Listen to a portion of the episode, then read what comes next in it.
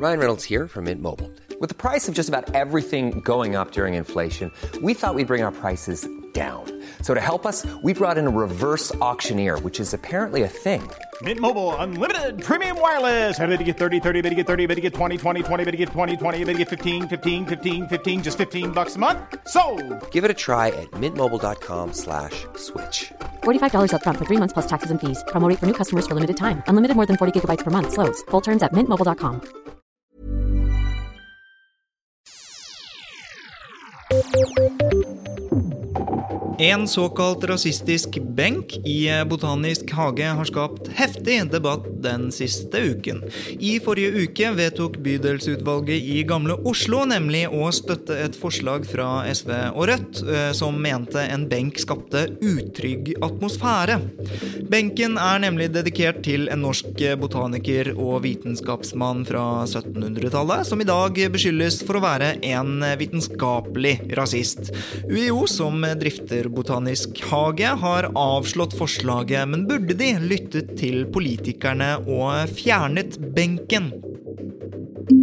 Kunstnere og kunstkritikere går hardt ut mot eh, Nasjonalmuseets eh, åpningsutstilling, hvor hele 150 kunstnere står på plakaten. Utstillingen, med tittelkonseptet 'Jeg kaller det kunst', skal utforske hva kunst er, hvem som får innpass i eh, utstillingsrommene, hvilke kunstnere som holdes utenfor, og hvorfor de eventuelt gjør det. Dagsavisen-kritiker Lars Elton mener Nasjonalmuseet bør vite hva kunst er, og kunstner Sverre Bjertnæs mener det hele er en populistisk gimmick uten faglig forankring. Har Nasjonalmuseet gitt fra seg sin kunstneriske integritet for å bli en demokratisk arena i stedet? Teaterstykket Ways of Seeing er tema i Oslo tinghus i disse dager, hvor eksjustisminister Tor Mikkel Varas samboer eh, Laila Bertheussen er tiltalt for bl.a. å ha begått hærverk på sitt eget hus, for så å antyde at dette er en konsekvens av at teaterstykket rettet et kritisk søkelys mot deres husfasade. Uansett hva utfallet av rettssaken blir, er det én som bør si unnskyld, skriver Dagen-redaktør Vebjørn Selbekk. Han peker på Erna Solberg fordi at hun i 2019 mente Ways of Seeing gjorde det tøffere å være politiker. Andre mener hun har gjort det tøffere å drive med teater, og at en slik beskjed fra statsministerhold er førende for kunsten og i veien for kunstnerisk ytringsfrihet. Solberg har avslått å beklage flere ganger, men bør hun egentlig det? Du hører på Etikk og estetikk. Jeg heter Dan Buchoy og skal straks introdusere dagens panel, men først noen ord fra våre annonsører. Espen Kvålsvold, Natalie Fusha Sanchez, Kalle Segelberg. På Kunsthall Oslo presenteres nå en serie med raske solopresentasjoner av kunstnere. En kunstner per uke i seks uker. Neste kunstner i serien er Espen Kvålsvold. Vi ønsker deg hjertelig velkommen til åpningene hver torsdag klokken 18.00 på Kunsthall Oslo.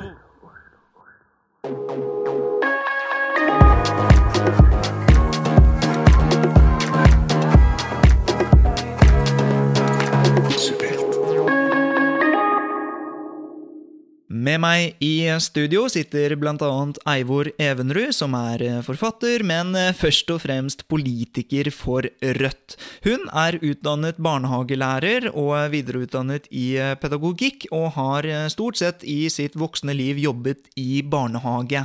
Her ble hun engasjert i barnehagepolitikk, og for bare fem år siden var det nok få som visste at karrieren skulle ta en så brå vending. I dag sitter hun i Oslos bystyre, som intet mindre enn leder for kultur- og utdanningsutvalget.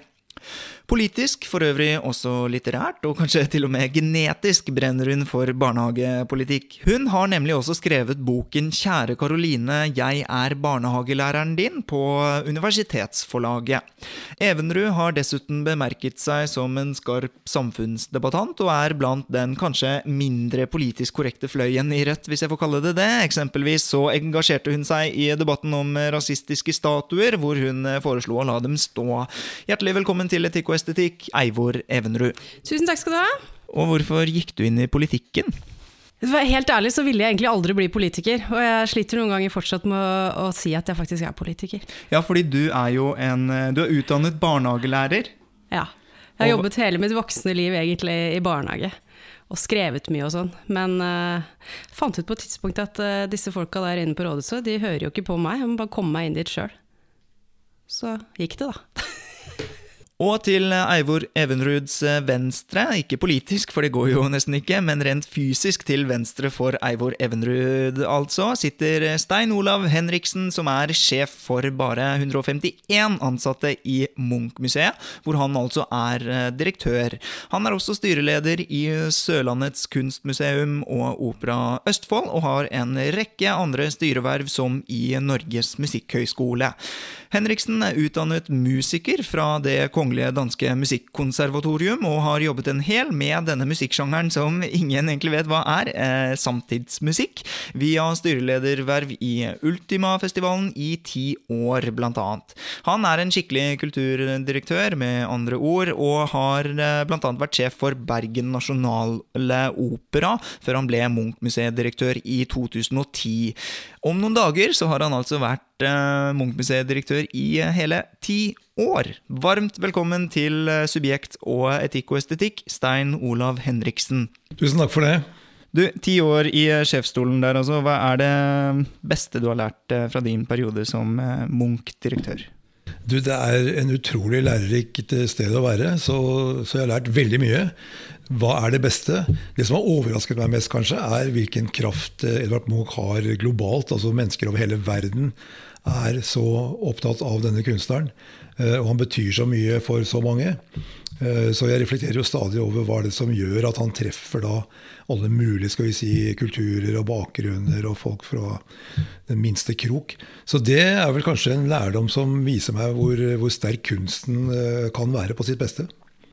Og kunst skal vi også gjennom i løpet av episoden. Dette er eh, Etikk og estetikks episode nummer åtte, hvor vi skal snakke om kunstnerisk ytringsfrihet, institusjonens eh, rolle og eh, den såkalt rasistiske benken i Botanisk hage, rett ved det som har vært kontoret til Stein Olav Henriksen i mange år nå, men ikke så veldig mye lenger, for nå blir det altså snart nytt museum. Vi går rett på første tema, vi.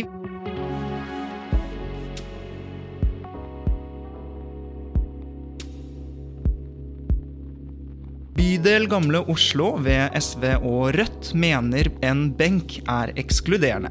Derfor vil de ha den fjernet. Og dere har kanskje alle fått med dere at grunnen til dette skal være at den hyller en vitenskapsmann som også viser seg å ha hatt rasistiske holdninger i sin tid, og å betro det man kaller for en eh, rasistisk eh, vitenskap. Carl von Linné er en svensk lege, zoolog og botaniker som er mest kjent for å ha arbeidet med systematikk i biologien. Det skriver Krono, og videre at eh, han innførte latinske navn på arter. Han levde gjennom store deler av 1700-tallet 1800-tallet. I Botanisk hage har han fått en benk oppkalt etter seg, og fra den eh, kan man skue utover parkens vakre, systematiske hage. Eh, men forslagsstillerne i bydel Gamle Oslo mener imidlertid at et viktigere aspekt ved mannen er at han eh, forbindes med oppstarten til biologisk rasisme. Jeg er fornøyd med at forslaget gikk gjennom. Dette er jo utenfor bydelsutvalgets mandat. Vi kan ikke legge føringer for hva Botanisk hage skal gjøre, men nå har vi gjort det vi kan, eh, og det er opp til Universitetet i Oslo. Eh, de har riktignok avvist eh, forslaget nå nylig, men forslagsstiller Hasti Hamidi i Gamle Oslo SV håper at dette kan bli starten på et større debatt om Carl von Linné og avkolonisering ved UiO. Det er viktig at studenter som lærer om han, også får med seg de andre sidene ved han, sier hun. Man kan argumentere for at han var en viktig botaniker, men jeg mener det ikke jeg mener det er viktigere at hans rasisme og de enorme konsekvensene og lidelsene det har ført til, Eh, er viktigere å belyse, da. Kjære panel, bør vi fjerne den, eh, denne benken i Botanisk hage, Evenrud? Nei. Og det er vel heller ikke foreslått å fjerne selve benken. Eh, Henriksen? Nei. Hvorfor ikke, Eivor? Den eh, fører jo til eh, kanskje å skape ekskluderende, et ekskluderende byrom. En benk kan eh, ikke være ekskluderende på den måten. Altså Hvis en benk skal være ekskluderende, så må det være rent arkitektonisk, fordi at den er formet på et vis som gjør at ikke alle kan bruke den. Så er det jo ikke sånn at de har foreslått å fjerne selve benken, men bydelsutvalget ønsket å endre på planketten, tror jeg, og gjøre noen endringer der. Det tenker jeg at er bydelsutvalget helt fint at de gjør det. De må gjerne gjøre det, det skal ikke jeg eh, mene så veldig mye om. Så har vi fått en stor debatt, og det er bra. Men det er klart at debatten fører jo ikke noe med seg hvis man blir stående på hver sin haug og rope 'idiot' til den andre, som det jo kanskje har ført til da, i det tilfellet her. Hadde jo det samme med statuedebatten litt tidligere. Holberg og Churchill. Og vil nok si at det er bra at de reiser disse problemstillingene, men at det kanskje er en noe spesiell innfallsvinkel på, på, å problematisere det. Og Er det ikke litt sånn interne konflikter i eh, venstresidepartiene også, eh, angående disse temaene? Det er det helt sikkert. Det er i hvert fall ingen eh, av partiene på venstresiden som har vedtatt politikk på, på disse spesifikke områdene. Det er det ikke. Men det er altså noen i eh, bydel Gamle Oslo, eh, Rødt, som eh, også var enig med Hamidi om at denne benken burde i hvert fall problematiseres, og at selve hyllesten kanskje da bør fjernes. Ehm, du er litt sånn nyansert på det, men du konkluderer med nei, og det gjør du også, Stein Olav Henriksen. Hva er grunnen til det? Grunnen til det er at jeg syns det er viktig å reflektere over historien. Eh, og det kan vi bare gjøre hvis vi bevarer den. Så det er nødvendig tenker jeg, at vi ser at uh, synet på mennesket, synet på mange av de verdiene vi har i dag, har endret seg gjennom tidene. De kan fortsatt endre seg. Og det at vi har en oppmerksomhet og en debatt og en refleksjon rundt det, syns jeg er helt uh, strålende. Uh, og også i forhold til denne omtalte benken. At det skaper debatt rundt Carl von Linné og hans verdisyn og hans arbeid. Og vi har jo sett veldig mye av det samme i kunstlivet. Eh, man ønsker å ta vekk kunstverk, eh, tidligere kunstverk fordi de reflekterer da eh, kanskje verdier eller synspunkt som vi i dag ikke bekjenner oss til. Men jeg tenker at hvis man først skal begynne å endre på historien, så blir jo det et veldig komplisert spørsmål om hvem som skal gjøre det, og på hvilket grunnlag man skal gjøre det, og når skal man gjøre det, osv. Og så er det dette andre siden, da, med at ting kan være støtende og at man kanskje hyller da verdier eller synspunkt som man ikke eh, i dag bekjenner seg til. Eh, men jeg mener at likevel at verdien av vår historie, å bevare den og reflektere over den, er større enn verdien av å forsøke å skal vi si, skyve ting under teppet. Det tror jeg ikke vi er tjent med. Ja, og Det nevnes fra begge hold her at eh, det er fint at eh, man ønsker å fremme en debatt. Men er det egentlig det hvis eh, den debatten sparker i gang gjennom et krav og et ønske om at hyllesten skal fjernes? fordi da legger man jo press på sant, de myndighetene som bestemmer dette. Og så, Det er jo ikke bare en debatt de ønsker. Det er sant. Også dette har vi jo uh, sett før òg. Det er ikke så mange år siden vi hadde ytringsfrihetens benk, som skulle plasseres ganske nære Saudi-Arabias uh, ambassade. Hvor det ikke var venstresiden, men uh, den andre siden som var veldig opptatt av dette. Så, så det kan du fortelle litt om det? Hva var egentlig saken der? Ja, Det var en gave gitt av Amnesty, mener jeg å huske. Uh, som bydelsutvalget var eh, veldig positive, fordi det var en gave, en benk, eh, som skulle bidra til samtale og ja, åpne opp for gode samtaler. Men så eh, ble det altså skrevet inn ytringsfrihet, så det var ytringsfrihetens benk. Og så vet man jo at Saudi-Arabia at det kan være litt sånn problematiske sider ved nettopp det der. Så når den ble da plassert så nært opp til deres ambassade, så var det noen som ble meget redd for at dette kunne være støtende for, for dem på ambassaden, og at det kunne oppfattes som en type kritikk altså et rent politisk utspill mot, uh, mot de som var på ambassaden da. Så, så, man er jo hele tiden litt sånn obs på det også. Eh, den gangen så mener jeg nok å huske at det var helt motsatt. At eh, da mente de, den andre parten her at dette er veldig viktig, og det skal vi ikke ta hensyn for. Dette er en av grunnverdiene i samfunnet.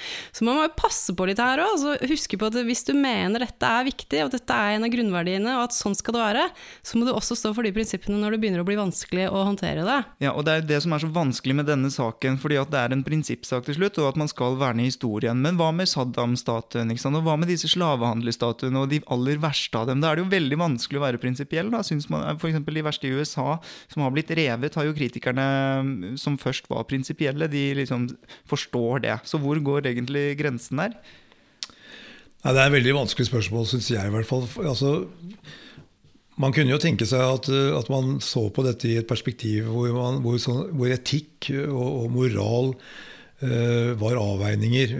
Jeg tenker at etikken er mer objektive verdier vi, vi bekjenner oss til i, i dag, og at ut ifra de etiske avveiningene så, så kan vi uh, for, forsøke å, å, finne gode løsninger på dette. Mens ut ifra de mer subjektive, mer moralske, så tenker jeg at det blir uh, blir fryktelig vanskelig. Og igjen så er jeg opptatt av at vi i vår tid, vi må jo fremme våre verdier gjennom kunsten, gjennom andre ytringer, enten det er en benk eller det er en eh, skulptur eller statue.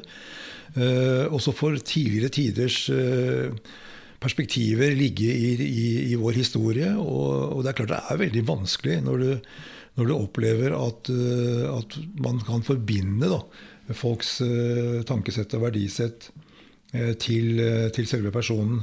Og Der er også dette med person og meninger. De fleste som står, i hvert fall hvis vi snakker om Linnea, eh, eller Linné, mener jeg, og, og, hvis vi snakker om Churchill og, og, og, kanskje andre, så er jo de hyllet for de tingene de gjorde som, som har betydd noe for historien.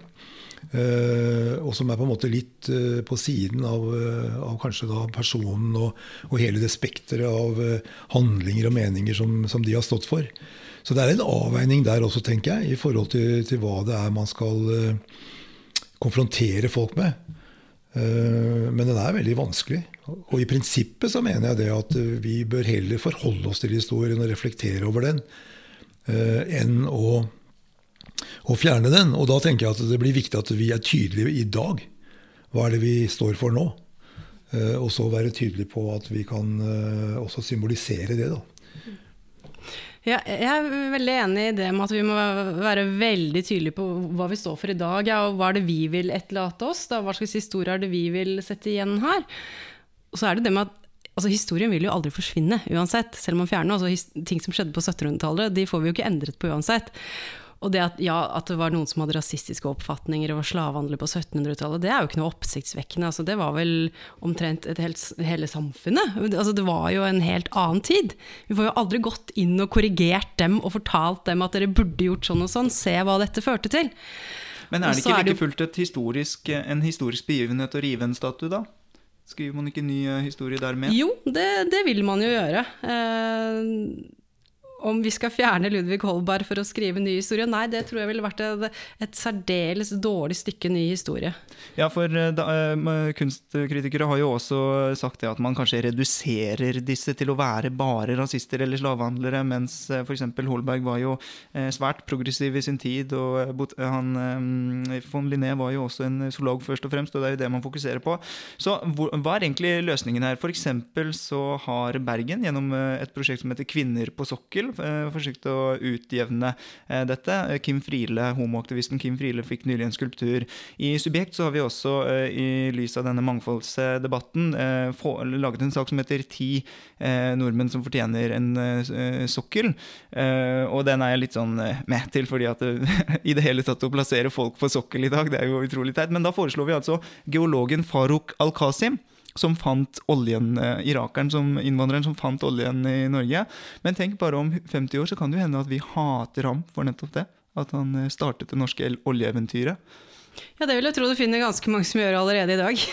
Men jeg syns det er veldig fint ja, at, at, vi på en måte hylle våre egne verdier gjennom symboler og gjennom mennesker som har betydd noe. Og det er jo nettopp dette at Hvis man da sier da, at, at, i dag har vi en veldig ubalanse fordi definisjonsmakten har ligget blant hvite, vestlige menn, f.eks., ja, så må vi gjøre noe med det nå, for det er ikke sånn vi ønsker at det skal være nå.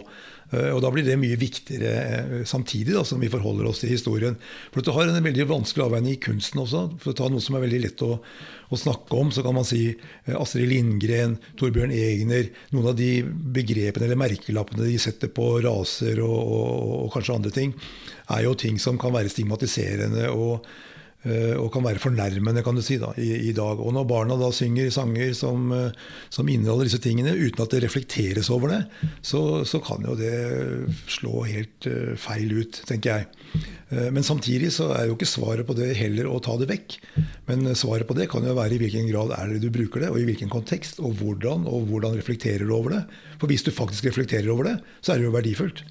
Hvis du ikke reflekterer over det, så, så kan det hende at det kan være,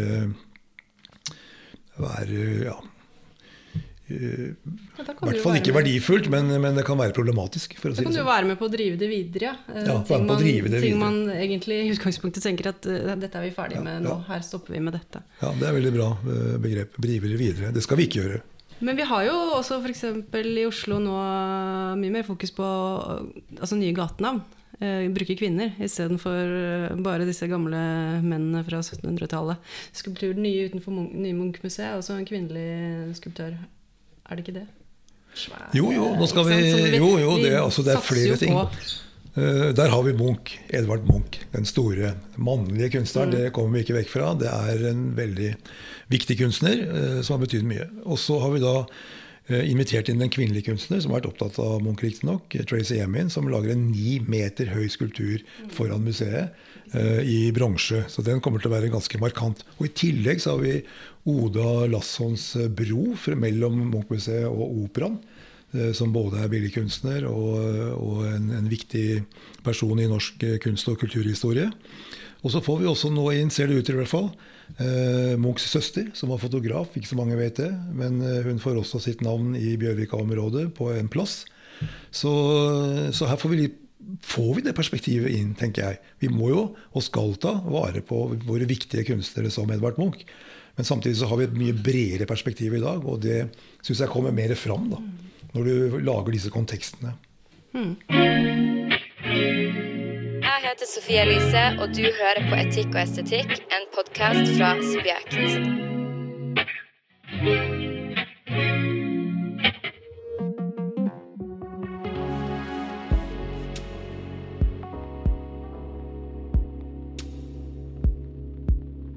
Nasjonalmuseet inviterer til storslagen åpningsutstilling med hele 150 kunstnernavn på plakaten i 2021. Utstillingskonseptet ved navnet Jeg kaller det kunst har blitt kritisert av både kunstnere og kunstkritikere for å legge kunstnerisk kvalitet til side i sitt jag etter mangfold. Kunstner Sverre Bjertnæs kaller det hele for en populistisk gimmick, eh, mens kunstkritiker Lars Elton spør seg om nasjonalmuseet Nasjonalmuseet, som burde representere den fremste ekspertisen på feltet, eh, ikke vet hva god kunst er. Kjære panel, har Nasjonalmuseet med sin åpningsutstilling gitt fra seg kunstfaglig ansvar for å være en demokratisk arena for eh, såkalt alle? Henriksen. Ja, men Evenrud? Nei. Og hvorfor sier du i utgangspunktet ja? Jeg lurer litt på, For det første da, så syns jeg det er veldig bra at uh, Nasjonalmuseet tar opp problemstillinger som handler om eh, kunst, kvalitet, vurderinger. Eh, det å skulle drøfte disse spørsmålene med hvem er det som si, bestemmer eller legger premissene for hva som er god kunst, og hva som skal være la oss si, innkjøpspolitikken. da. Eh, på Nasjonalmuseet. Og det må jo Nasjonalmuseet på en måte ha en struktur på. Og Hvis man får opp en debatt om de spørsmålene, så syns jeg det er veldig bra. Nå syns jeg ikke det skal være noe som heter en fremste ekspertise. For det begrepet i seg selv tenker jeg vi må demokratisere mye mer enn det. Altså Det som skal være definisjonen her, såkalt definisjonsmakt hvis du vil, den må være mye bredere. Og det er gammeldags tenker jeg, å tenke på at ekspertise som sådan skal være fremst eller være dominerende. Men, Men det som er interessant det av Nasjonalmuseet? Altså, at man har en uh, kunstfaglig fremst ekspertise blant kuratorene der? Uh, at de bygger en uh, kunstfaglig ekspertise, det må de og det skal de. Men spørsmålet er om man skal gjøre det på samme måte som man alltid har gjort. Og det er jo det jeg tenker på på, på mitt eget museum også, Munch-museet.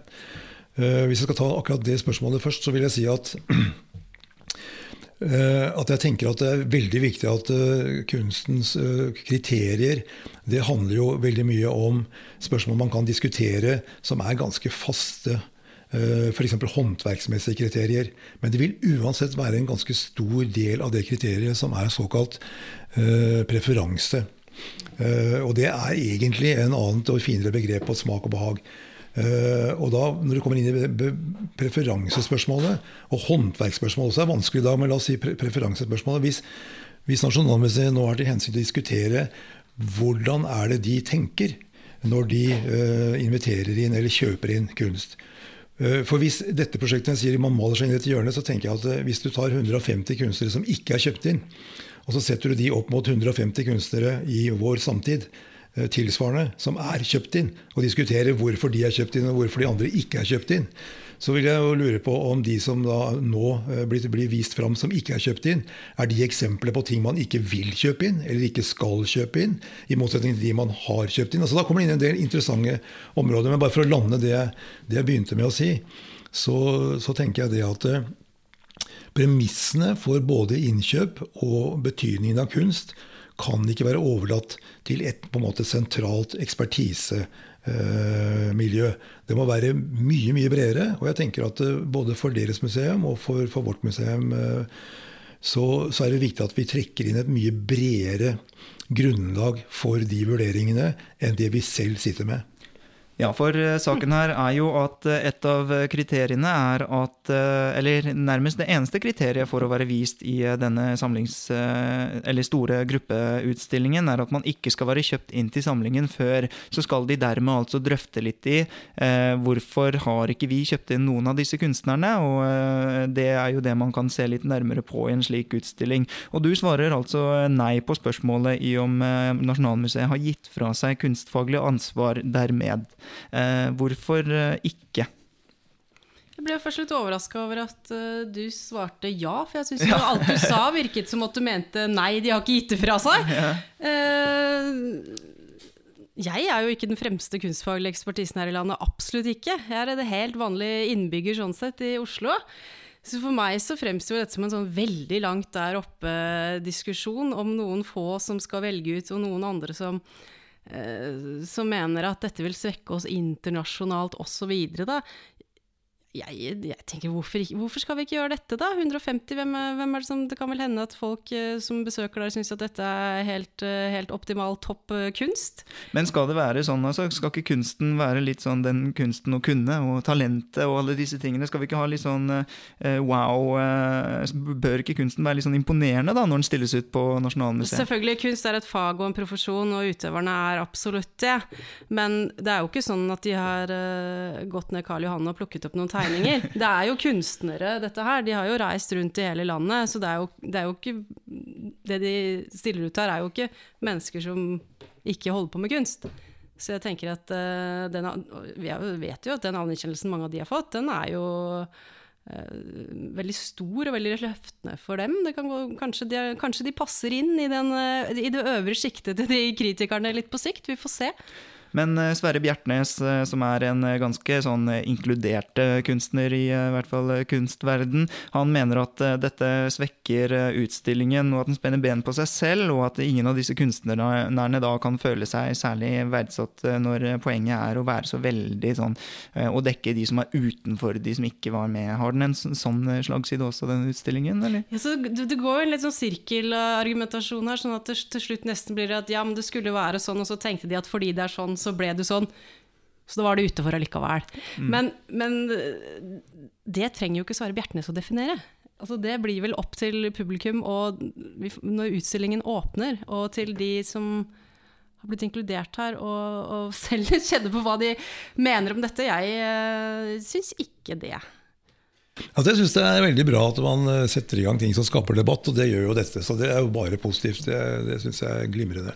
Men så er det sånn at eh, hvis dette skal være en, kan, kan bli da en gimmick, eh, som Bjertnæs mener, så kan det veldig lett bli det, tenker jeg. Men hvis vi får vite noe mer om hvordan de 150 er plukket ut, hva er kriteriene utover det at de ikke er kjøpt inn? Det har vi skjønt.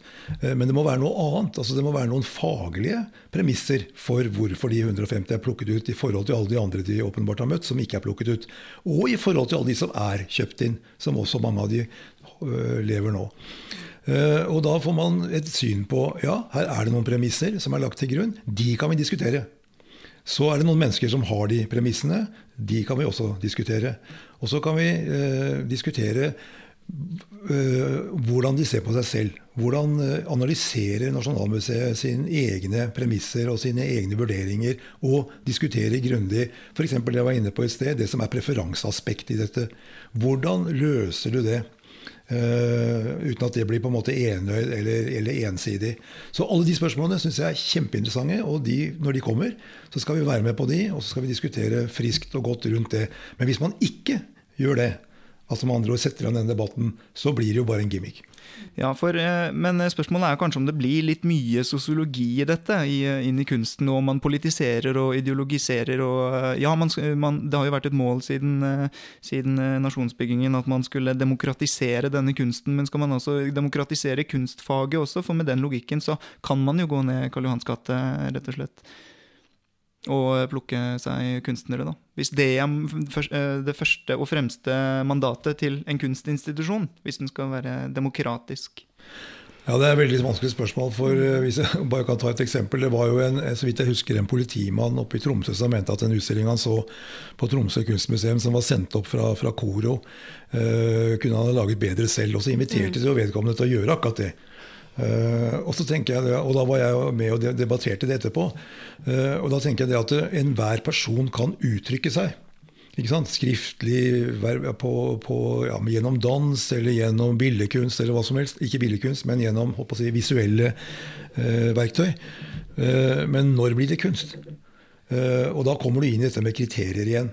Og, og det, vi må jo ha kriterier. Og det er jo det Nasjonalmuseet vil eh, granske seg selv for, da, om eh, hva som egentlig er disse kriteriene. Så derfor har de eh, De utdyper det aldri noe særlig, men de, kalt, de sier at de har utviklet en algoritme mm. som har valgt ut disse kunstnerne, bl.a. Og på den måten gransker vi oss selv og hva som styrer de valgene vi tar. Hvorfor går vi glipp av disse verkene? Blir vi for mye styrt av vår egen smak? Slike ting må vi våge å ta tak i. Og det er jo et modig utsagn, fordi at at man sant, stiller spørsmål ved deres egne smak. Men den smaken skal jo være kunstfaglig forankret. Så, så, det er jo det Lars Elton også reagerer litt på. Er de vet ikke hva kunst er. Og har man da blitt veldig politisk korrekt? Jeg, sånne debatter altså, det flyr meg nesten gjennom hodet. Jeg har som sagt vokset jobbet i barnehage hele mitt liv. Jeg har jobbet veldig mye kunst, kultur og kreativitet med små barn. Og noen ganger så, så tenker jeg på vi har hatt masse prosjekter med Barnas høstutstilling osv. En gang så hadde jeg en fireåring. De hadde fått låne kameraer og ulike ting. Som tok bilde eh, og fremkalte det digitalt. Og så skulle de fortelle hva det er, og de kunne velge om det skulle stå noe under bildet. Dette barnet sier egentlig ikke et eple. Ok, det kan vi skrive under. Det er også et fotografi av en plastikk mat, altså et plastikkeple. Dette er jo helt på høyde, men dette er ikke han? en pipe. Ja, han surrealisten. Ja, altså, og, og, for det, det er sånn øyeblikk som Hva sa du? René Magritte, ja. som ja, hadde akkurat det verket. Det tenker jeg sånn Ok, når jeg hadde den filmen, tenkte jeg Det du holder på med her nå, det er jo noe som har tatt voksne mennesker årevis å hente tilbake og finne tilbake i seg selv og levere i en sånn Dette er ikke en pipe. Dette er nøyaktig det samme, men det er helt ærlig og helt spontant. Hvem er det som bestemmer at dette er ikke kunst, dette er bare tull, dette er barneskriverier og bare sånn ræl? Mens hvis en på 45 gjør det, så er det altså historisk kunst. Og det, De spørsmålene blir vi aldri ferdig med. Hvem er kunsten til for? Hva er kunst? Hva er bra kunst? Hva er dårlig kunst? Altså Et kriterium jeg mener er helt sentralt i, i, i kunst, er at uh, kunst må bringe inn ny erkjennelse. Må bringe inn noe nytt. Hvis det bare repeterer noe, så gjør det ikke det. Da er det ikke kunst. Så det kan man si kunne vært et kriterium man kan selvfølgelig også diskutere, men det er et kriterium jeg legger til grunn. Uh, og så er det en del andre kriterier. Men hvis man bare stiller de spørsmålene som, som, følger med dette prosjektet, av de 150 kunstnerne som ikke er kjøpt inn, så, så uh, blir det igjen da, nokså trivielt og banalt eller gimmick. Så det er helt nødvendig at det følges opp med dyptgående, eh, interessante refleksjoner rundt eh, seg selv, rundt vår egen definisjon, våre egne kriterier.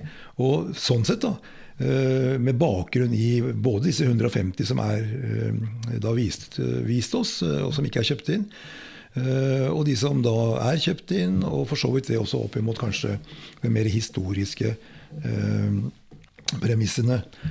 Og igjen så tror jeg det at det er jo helt nødvendig å ha andre kriterier for hva som er god kunst i dag, enn det var for 10 år siden, 20 år siden, 50 år siden, i hvert fall 150 år siden.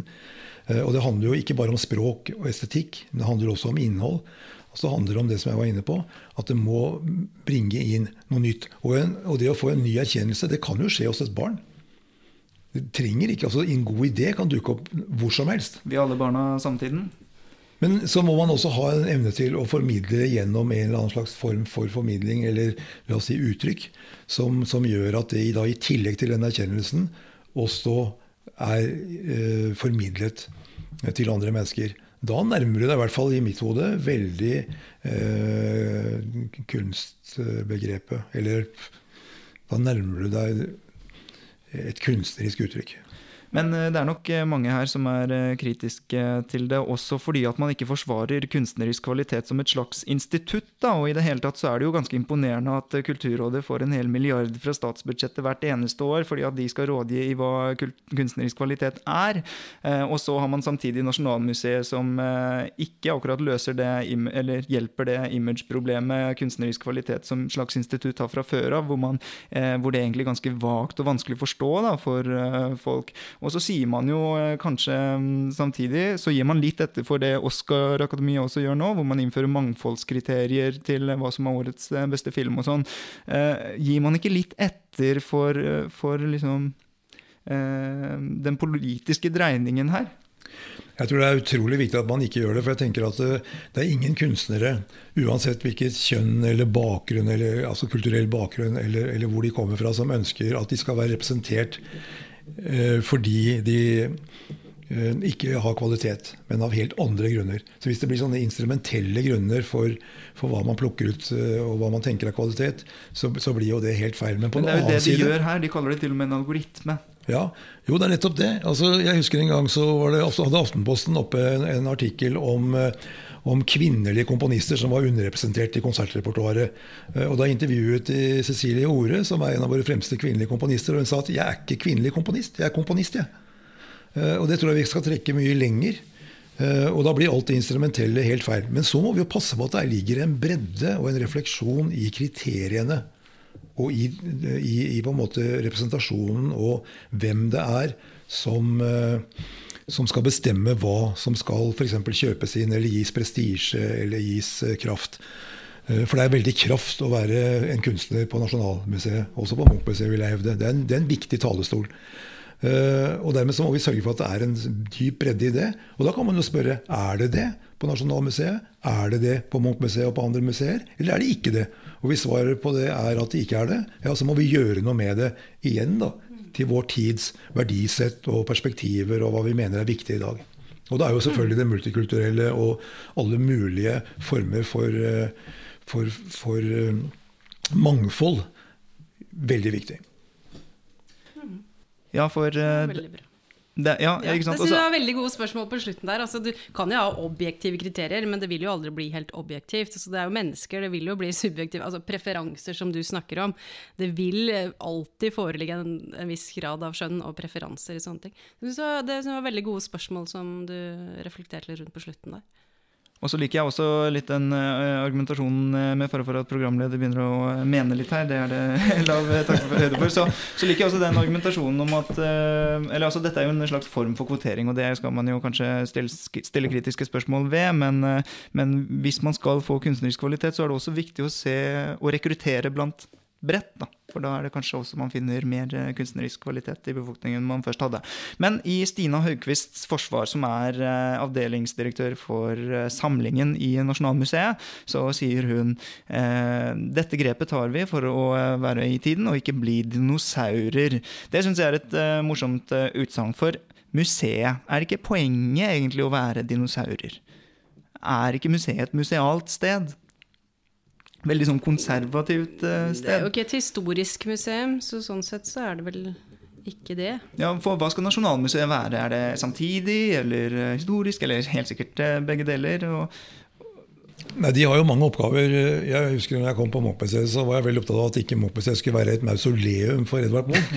Eh, hvor folk kommer og ser en slags kulturhistorisk eh, ikon, men ikke egentlig har noe forhold til hva personen hadde på hjertet, og hvordan hans kunst faktisk kan berike oss eller lære oss noe i dag. Så Det var jo litt av poenget med den Pluss Munch-serien, at vi prøvde å gjøre Munch om til en kunstner igjen, og ikke bare eh, noe vi var stolt av som vi viste turistene når de kom på besøk. Eh, og, og det samme kan man jo si om museene som sådan. Og der igjen så tenker jeg at Hvis et museum eh, på en måte holder seg innenfor sine fire vegger og holder på med sitt, eh, og kanskje til og med er ganske uh, homogent sammensatt, uh, så, så, blir jo det en, en dinosaur vi ikke ønsker oss. Men at det kan være en dinosaur i betydningen av å være en, en arena med ressurser for uttrykk. Uh, som er bredt anlagt, og hvor det ligger premisser som gjør at vi sørger for at samfunn, hele samfunnet uh, er, representert og, og kommer til orde.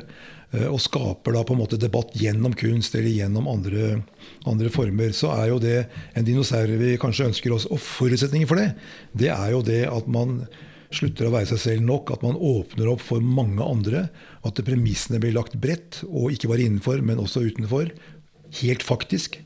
Eh, og at, eh, at, man blir en del av samfunnet rundt seg. Blir med å, å løse samfunnets viktigste utfordringer og være relevant på alle måter for de menneskene som eksisterer rundt oss nå, både lokalt og, og globalt, vil jeg si. Så det var, det var, på en måte mye på en gang. Men det er klart at at eh, Det er spørsmål om hva slags dinosaurer vi skal ha, men at vi skal ha noen arenaer som kanskje betyr mer enn andre, i form av det at de blir lyttet til, de blir hørt, og de representerer oss også langt utenfor våre egne landegrenser. Det syns jeg er viktig. Vi skal være til stede i det globale samfunn med våre verdier og våre ideer og, og perspektiver. Og da må vi ha noen sånne, kan, kan godt kalle det dinosaurer for min del. Men hvis det er dinosaurer som er langsomme og tunge og siderumpa og historiske, så skal vi ikke ha de. Jeg skulle jo ønske noen var tydeligere her på ja, da. For jeg hadde jo lyst til å spørre om det ikke ble litt vel eh, Ja, både Blendavit og alle disse kritikkene man har mot et, eh, en slik institusjon fra før av. Men her er man altså ganske nyansert og enige om at det ikke er så veldig farlig at man gir fra seg kunstfaglig kvalitetsbegrepet. låner det ut et lite sekund. Jeg tror det er altfor blendahvitt. Altså vi er jo ikke i nærheten av å være i land med denne problemstillingen. Eh, våre kulturinstitusjoner er veldig homogene i sin sammensetning. Og når departementet nå i alle de årene jeg har vært leder, og det er ganske lenge nå, har sagt at vi skal ha mer flerkulturelle perspektiver, vi skal ha mer fokus på samtidskunst, mer fokus på barn kanskje, og de typene ting, så reflekteres jo ikke det inn i programrådene. Det er jo der programmene lages. Og der kan det sitte fem helt like mennesker, eller seks helt like mennesker. Eh, så hvis man virkelig vil gjøre noe, så må man jo se på hvordan man er skrudd sammen. Og Da kreves det mye mer radikale grep, også på Munch-museet, enn det vi har vært i stand til å få til så langt. Espen Kvålsvold, Natalie Fusha Sanchez, Kalle Segelberg. På Kunsthall Oslo presenteres nå en serie med raske solopresentasjoner av kunstnere. En kunstner per uke i seks uker. Neste kunstner i serien er Espen Kvålsvold. Vi ønsker deg hjertelig velkommen til åpningene hver torsdag klokken 18.00 på Kunsthall Oslo.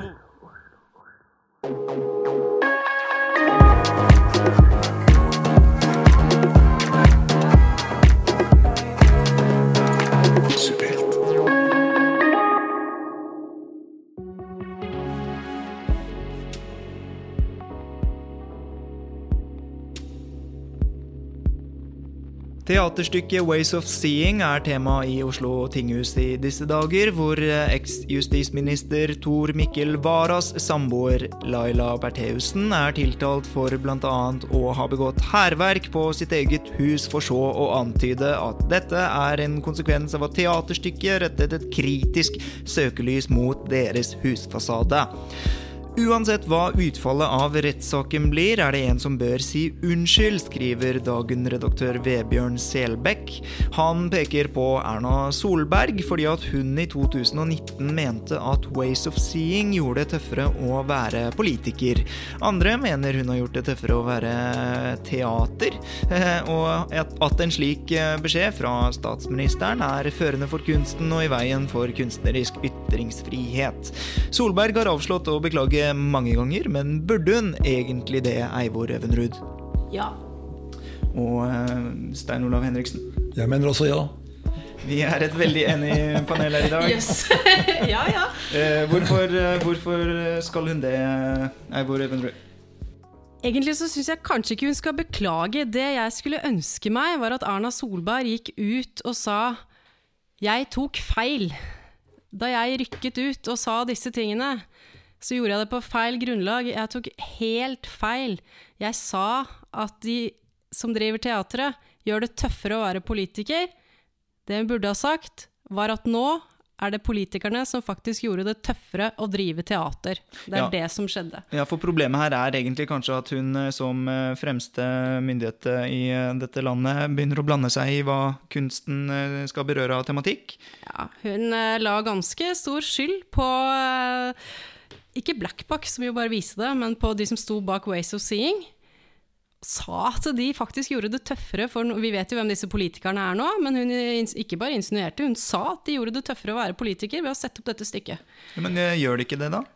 Ja, nå er jo ikke dommen i denne rettssaken kommet, men det er vel svært lite som tyder på at de som sto bak teateroppsetningen, eh, var de som bidro til at det ble tøffere å være politiker i den regjeringen da.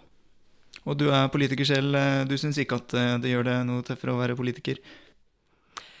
Nei, jeg mener at eh, det dukker opp nye ting hver eneste dag, noen ganger hver eneste time, som kan gjøre det tøft å være politiker. Altså, men sånn er det jo. Du har sagt ja til å påta deg et verv, og som det ofte er kamp om å påta. Det er tøft, ja det er det, men det handler ikke alltid om deg, eller hvordan Nei, altså, og når den øverste altså, statsministeren går ut og sier det, så er det såpass kraftig, og det var overalt i media, at uh, maktbalansen der, og de konsekvensene det hadde, det, det må hun rett og slett rykke ut og si at her tok jeg feil. Og det sitter langt inne for en politiker å gjøre. Er det en gang hun bør gjøre det, så er det nå. Hvorfor eh, mener du at eh, Erna Solberg bør beklage Stein Olav Henriksen? Jo, også Det er jo en litt vanskelig avveining, for, for kunst må også forholde seg til etikk. Og, og kunst må ikke nødvendigvis forholde seg til lovverk, eh, men media bør kanskje forholde seg til lovverk eh, og, og etikk. Hva sa du egentlig nå? Burde kunstnere altså forholde seg til eh, etikk, syns du? Og, og ikke lovverk? Ja, altså jeg har jo ment det at vi skal se helt bort ifra moral. Vi skal se bort ifra lovverk i den grad det er hensiktsmessig. Men vi skal, ikke, vi skal i hvert fall ha et veldig bevisst forhold til etikk. Eh, Så det er på en måte min guideline på, på det spørsmålet. Og så tenker jeg det at eh, Erna Solberg må jo også kunne mene hva hun vil. Det er bare det at hun klarer ikke å gå ut og inn av det å være statsminister eller regjeringssjef. Så når hun da eh, går ut på vegne av regjeringen, eller på vegne av hva det nå er, og sier noe, så er det på vegne av regjeringen. Eh, Og dermed så Det var kanskje litt klønete formulert, men, uh, men det, jeg er sikker på at dere skjønner hva jeg mener. Det som, det som i hvert fall er, er viktig for meg, er at det viktigste prinsippet her er ytringsfriheten. Uh, Og når en regjeringssjef går ut og kan legge føringer på, på ytringsfriheten, så er det det overordnede prinsippet for min del. For det, ytringsfriheten er veldig under press nå, av flere forskjellige årsaker. Eh, Og dermed så er det veldig viktig at, at eh, spesielt da, statsministeren må ha tunga rett i munnen når vi forholder oss til kunst og ytring. Eh, Og så kan det hende at vi har et lovverk som sørger for at loven blir fulgt opp. Og så kan vi ha etiske avveininger, og det kan jo handle om f.eks. privatlivets fred, hvordan barna blir dratt inn i situasjoner. Det er mange sider ved det å drive med kunst og, og, og andre uttrykksformer som gjør at vi må tenke litt gjennom de konsekvensene det også eh, kan ha. Eh, Men samtidig så mener jeg at, eh, at eh, ytringsfrihets eh, beskyttelsen må være det sentrale for en regjering i et demokratisk samfunn som vårt. Men, men har ikke statsministeren bare brukt sin egen eh, ytringsfrihet her? Hun er jo ikke akkurat eh, den, Det er kanskje litt eh, førende, og maktbalansen er litt annerledes, men den er, hvordan er den egentlig begrensende for ytringsfriheten? Ja, altså hun sa, jo, sa jo sin mening, og jeg tviler ikke på at Erna Solberg mente at uh, Debug Ways of Seeing gjorde det tøffere å være politiker, når hun sa det. Men så har det jo vist seg at hun tok 100 feil, og da må det jo på et eller annet tidspunkt gå litt tilbake og si at vet du hva, det her, det her var rett og slett skikkelig Det var, det var pinlig, og det var, det var dumt. Men eh, hun tok eh, kanskje feil i hva selve konsekvensene Eller hva konsekvensene var, da. Det er jo ikke sikkert eh, hvem som utførte hærverk og sånn, dette skal vi jo ikke spekulere i, tenker jeg. Men, men det som er sannheten her, er jo at de har vært og filmet en fasade. Som politiker selv, hva tenker du? Bør det være greit at kunstnere i sitt stykke eh, filmer din fasade, presenterer det som scenografi og sier at her foregår det rasistiske nettverk osv.? Eller Ja, når altså- kunsten blir så politisk, da, og det blir en politisk ytring. Og Nå- Kan ikke Erna Solberg svare på det? Nå, blir ikke, nå vil nok ikke jeg bli beskyldt for rasistiske nettverk. Det ville nok vært mer sånn der, her er det kommunistisk overtakelse, altså sånne type ting. Og det har skjedd. Altså, jeg har fått bilde av der jeg bor. Jeg har lagt ut på Twitter og flere steder og sånn. Um, det handler litt om det at ja, men det det er tøft å være politiker. Men hun er altså sjef for regjeringen. Hun er statsminister. Og så må vi huske på at altså for kunstnere så det er jo økonomiske rammer alltid for kunstnere. Og måten å Det er jo ikke nødvendigvis bare ordene som struper kunstnerne her. Det, vi så jo at det førte jo til at flere da tok til orde for å kutte støtten til Ikke til Ways of Seeing, nei til Blackbox, som egentlig ikke har noe med det å gjøre engang. For noen uker etterpå så satt jeg jo selv og fikk et forslag over bordet om å kutte støtten helt til Blackbox. Så når man sier sånne ting, og det fører til rent sånn konkrete faktisk struping av økonomien til ulike folk innenfor kulturen, så er det et stort problem for demokratiet, ja. Absolutt, for at eh, ytringsfriheten i et eh, åpent demokratisk samfunn handler også om ytringsfrihetsprinsippet. Nemlig det at det skal være avstand mellom de som legger rammene og er med og finansierer. Og vi er alle enige om at det offentlige må være med å sørge for at vi får et bredt felt av ytringer. Eh, De klarer ikke å finansiere seg selv hele veien, i hvert fall ikke verken i media eller i kunstfeltet. Eh, Så vi må skape gode, brede arenaer, og så må det være en avstand mellom de som legger til rette, eh, og de som legger premissene for hva som, som skal være kunst i dette tilfellet her. Og, og det armlengdes avstandsprinsippet det er det lite forståelse for i, i Norge. Hva konsekvensen av det er, hvor det skal anvendes, eh, og hvilke konsekvenser det har hvis man ikke observerer det tilstrekkelig.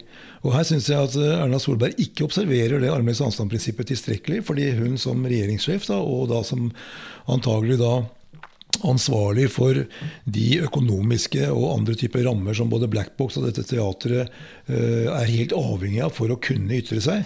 Eh, de, eh, da må hun observere eh, at de ressursene hun stiller til rådighet, de fører ikke med seg noen føringer fra regjeringen om hva som skal foregå på de arenaene. Altså Det kunstneriske programmet må hele tiden være så autonomt og så fritt og selvstendig at det ikke hefter ved de kunstneriske ytringene at, at det er politiske føringer på de. Altså med andre ord, Man mister legitimitet i en ytring hvis man tenker at her er det noe man gjør på oppdrag, eller fordi man er engstelig, eller fordi man sensurerer seg selv, eller fordi man ønsker å få mer penger uh, fra myndighetene. Hvis man får den type mistenkeliggjøring, så mister vi jo hele legitimiteten i kunnskapsutviklingen, i uh, kunstfeltet. Og hva står vi da igjen med? Jo, da står vi jo igjen med fake news og ekkokammer og alt det andre som truer vår ytringsfrihet, og som truer også vårt demokrati og vårt eh, samfunn. Så det er derfor dette er så farlig. For det, i seg selv så er det bare et, et enkelttilfelle. Og selv om Erna Solberg selvfølgelig har en, en voldsom prestisje som statsminister, eh, så gjør det saken eh, spesielt interessant og spesielt viktig. Eh, Men det skjer sånne ting hele tiden. Og det er jo derfor vi må ta vare på eh, våre verdier. eh, menneskerettigheter, ytringsfrihet, eh, demokrati. Eh, og det gjør vi bare eh, hvis vi observerer denne armlengdes avstanden og sørger for at de ytringene som kommer, faktisk ikke er beheftet med eh, noe annet enn det de inneholder. Du sier eh, hun ikke nødvendigvis må beklage, men eh, innse og erkjenne og bekjenne at eh, hun tok feil. Hva er det hun tok feil om? Hun tok jo feil i sine anklagelser, da. Eh, rundt eh, hva andre regjeringsmedlemmer opplevde, og årsaken til det. Trolig så gjorde hun det. Altså, hun kan godt beklage også, men vi vet jo at en sånn beklagelse altså, Hvis hun skal beklage, så må hun eh, faktisk beklage, ikke bare en sånn der ja, jeg beklager at noen oppfattet det som om jeg kanskje mente og sånn og sånn. Altså, enten så får du gå ut og si Jeg mener jo at politikere må være mye tøffere i sånne situasjoner. Stå ut og si 'herregud, jeg tok feil, det var helt idiotisk gjort, her dumma jeg meg ut'. Ikke bare pakket inn i åtte talepunkter og tre kommunikasjonsrådgivere. Folk gjennomskuer det uansett. Alle veit at hun tok feil, og det hadde vært mye lurere å bare gå ut med en gang og si at 'oi, dette var ikke dumt av meg. Her tok jeg skikkelig, skikkelig skikkelig feil. Men, uh, Sorry. altså, litt mer sånn Kan ikke bare være vanlig menneske, da? En uforbeholden eh, beklagelse, eh, altså. Men, men hva er det hva, er hva kan konsekvensene være ved at hun sier sånne ting, da? Hva er det som er så farlig med det? Ja, altså, sånn som det er nå, så hefter denne uttalelsen ved henne hos mange fordi hun ikke har retta det opp eller ikke beklaget. Eh, så hvis hun hadde gått ut med en gang og dementert det, så kunne vi fått stoppet hele altså Det var jo kommentarfelt, avis, overalt, ting i posten. Altså det utløser jo reaksjoner med en gang du har fått et på en måte sånn go-klarsignal fra landets øverste sjef. Så er det mye lettere å, å trå til med at ja, men, pff, Se hva statsministeren sa. Hun, altså, klart, klart det kan føre til at mange får en mye mer sånn eh, trøkk bak det de sjøl mener. Og når du da oppdager at det var feil, så må du jo rette på det. Er kunstnerisk ytringsfrihet eh, truet eh, på noen måte eller eh, av denne hendelsen? Ja, jeg tenker det. fordi Hvis en statsminister ikke trenger å observere armlengdes avstandsprinsippet og, og den kunstneriske friheten, så er det selvfølgelig helt åpent for alle andre å heller ikke gjøre det. Eh, og så tenker jeg at eh, Hvis det er sånn at hun var først og fremst opptatt av det etiske aspektet, her sånn, så burde hun ha overlatt det til noen andre. fordi eh, det er hennes autoritet som gjør denne saken mer alvorlig enn den ellers ville vært. Så det er klart at Når hun da bryter dette prin- prin- prinsippet, hva da med hennes regjering? Hva da med departementene? Hva da med Kulturrådet og de som sitter der? Hva da med, med, med den, off, den offentlige opinionen? Altså Hvordan skal vi forholde oss til våre viktigste prinsipper hvis de eh, skal vi si, ikke observeres da, eller utfordres. Så, så tror jeg ikke at nødvendigvis eh, Erna Solbergs uh, intensjon her er å, å ut skal vi si, å, å prøve å flytte grenser i forhold til de verdiene og de premissene som vi bekjenner oss til. Ja, det tror ikke jeg Men det, det er utrolig viktig da at hun er veldig tydelig på det. Og det er derfor jeg sier at ja, hun bør beklage.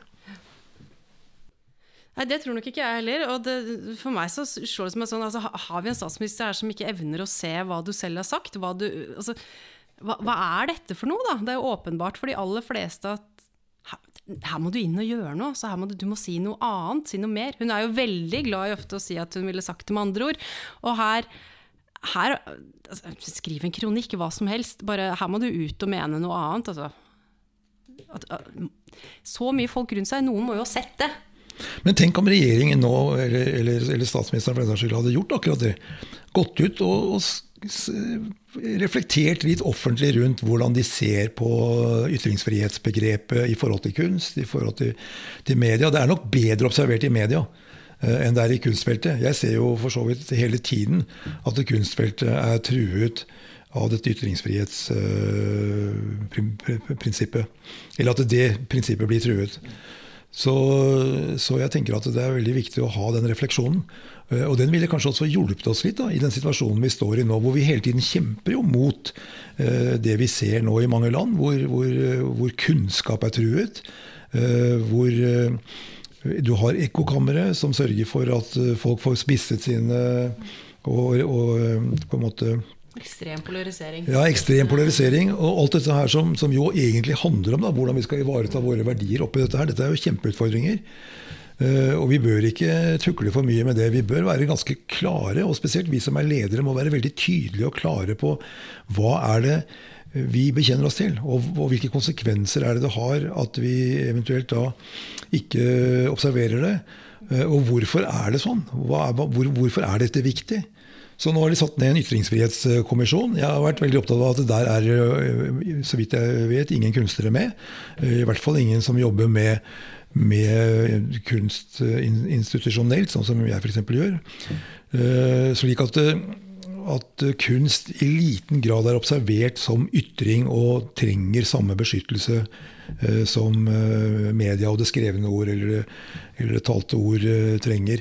Så den eh, den si, eh, kunnskapen, da, eller, eller understrekningen av at kunst er ytring.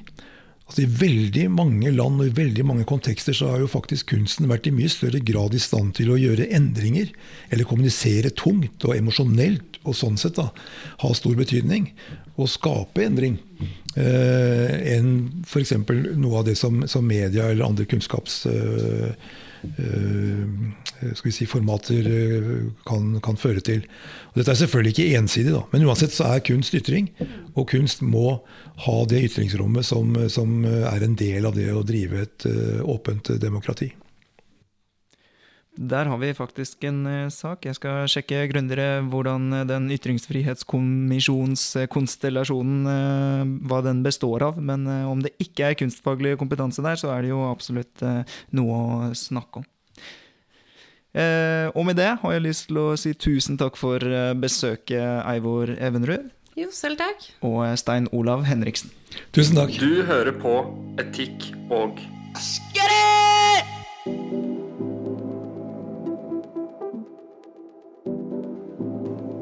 Subjektpodden. Og vi nærmer oss altså en eh, sesongavslutning for eh, etikk og eh, estetikk. Vi skal faktisk ha en live innspilling og hvor dere også er velkomne, men ikke helt enda, og det blir fortsatt noen flere episoder til. Og i neste uke møter vi bl.a.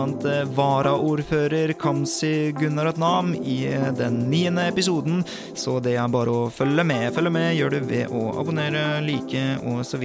av eh, muligheter på de plattformer der hvor du hører på eh, podkaster. Til slutt, tusen takk til stiftelsen Fritt Ord for eh, raus støtte til Subjekt siden den spede begynnelse, men også spesifikt til podkasten Etikk og estetikk. Vi poddes.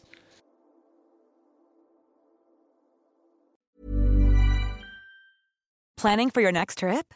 Elevate your travel style with Quince. Quince has all the jet setting essentials you'll want for your next getaway, like European linen, premium luggage options, buttery soft Italian leather bags, and so much more. And is all priced at 50 to 80% less than similar brands. Plus, Quince only works with factories that use safe and ethical manufacturing practices. Pack your bags with high-quality essentials you'll be wearing for vacations to come with Quince. Go to quince.com/pack for free shipping and 365-day returns.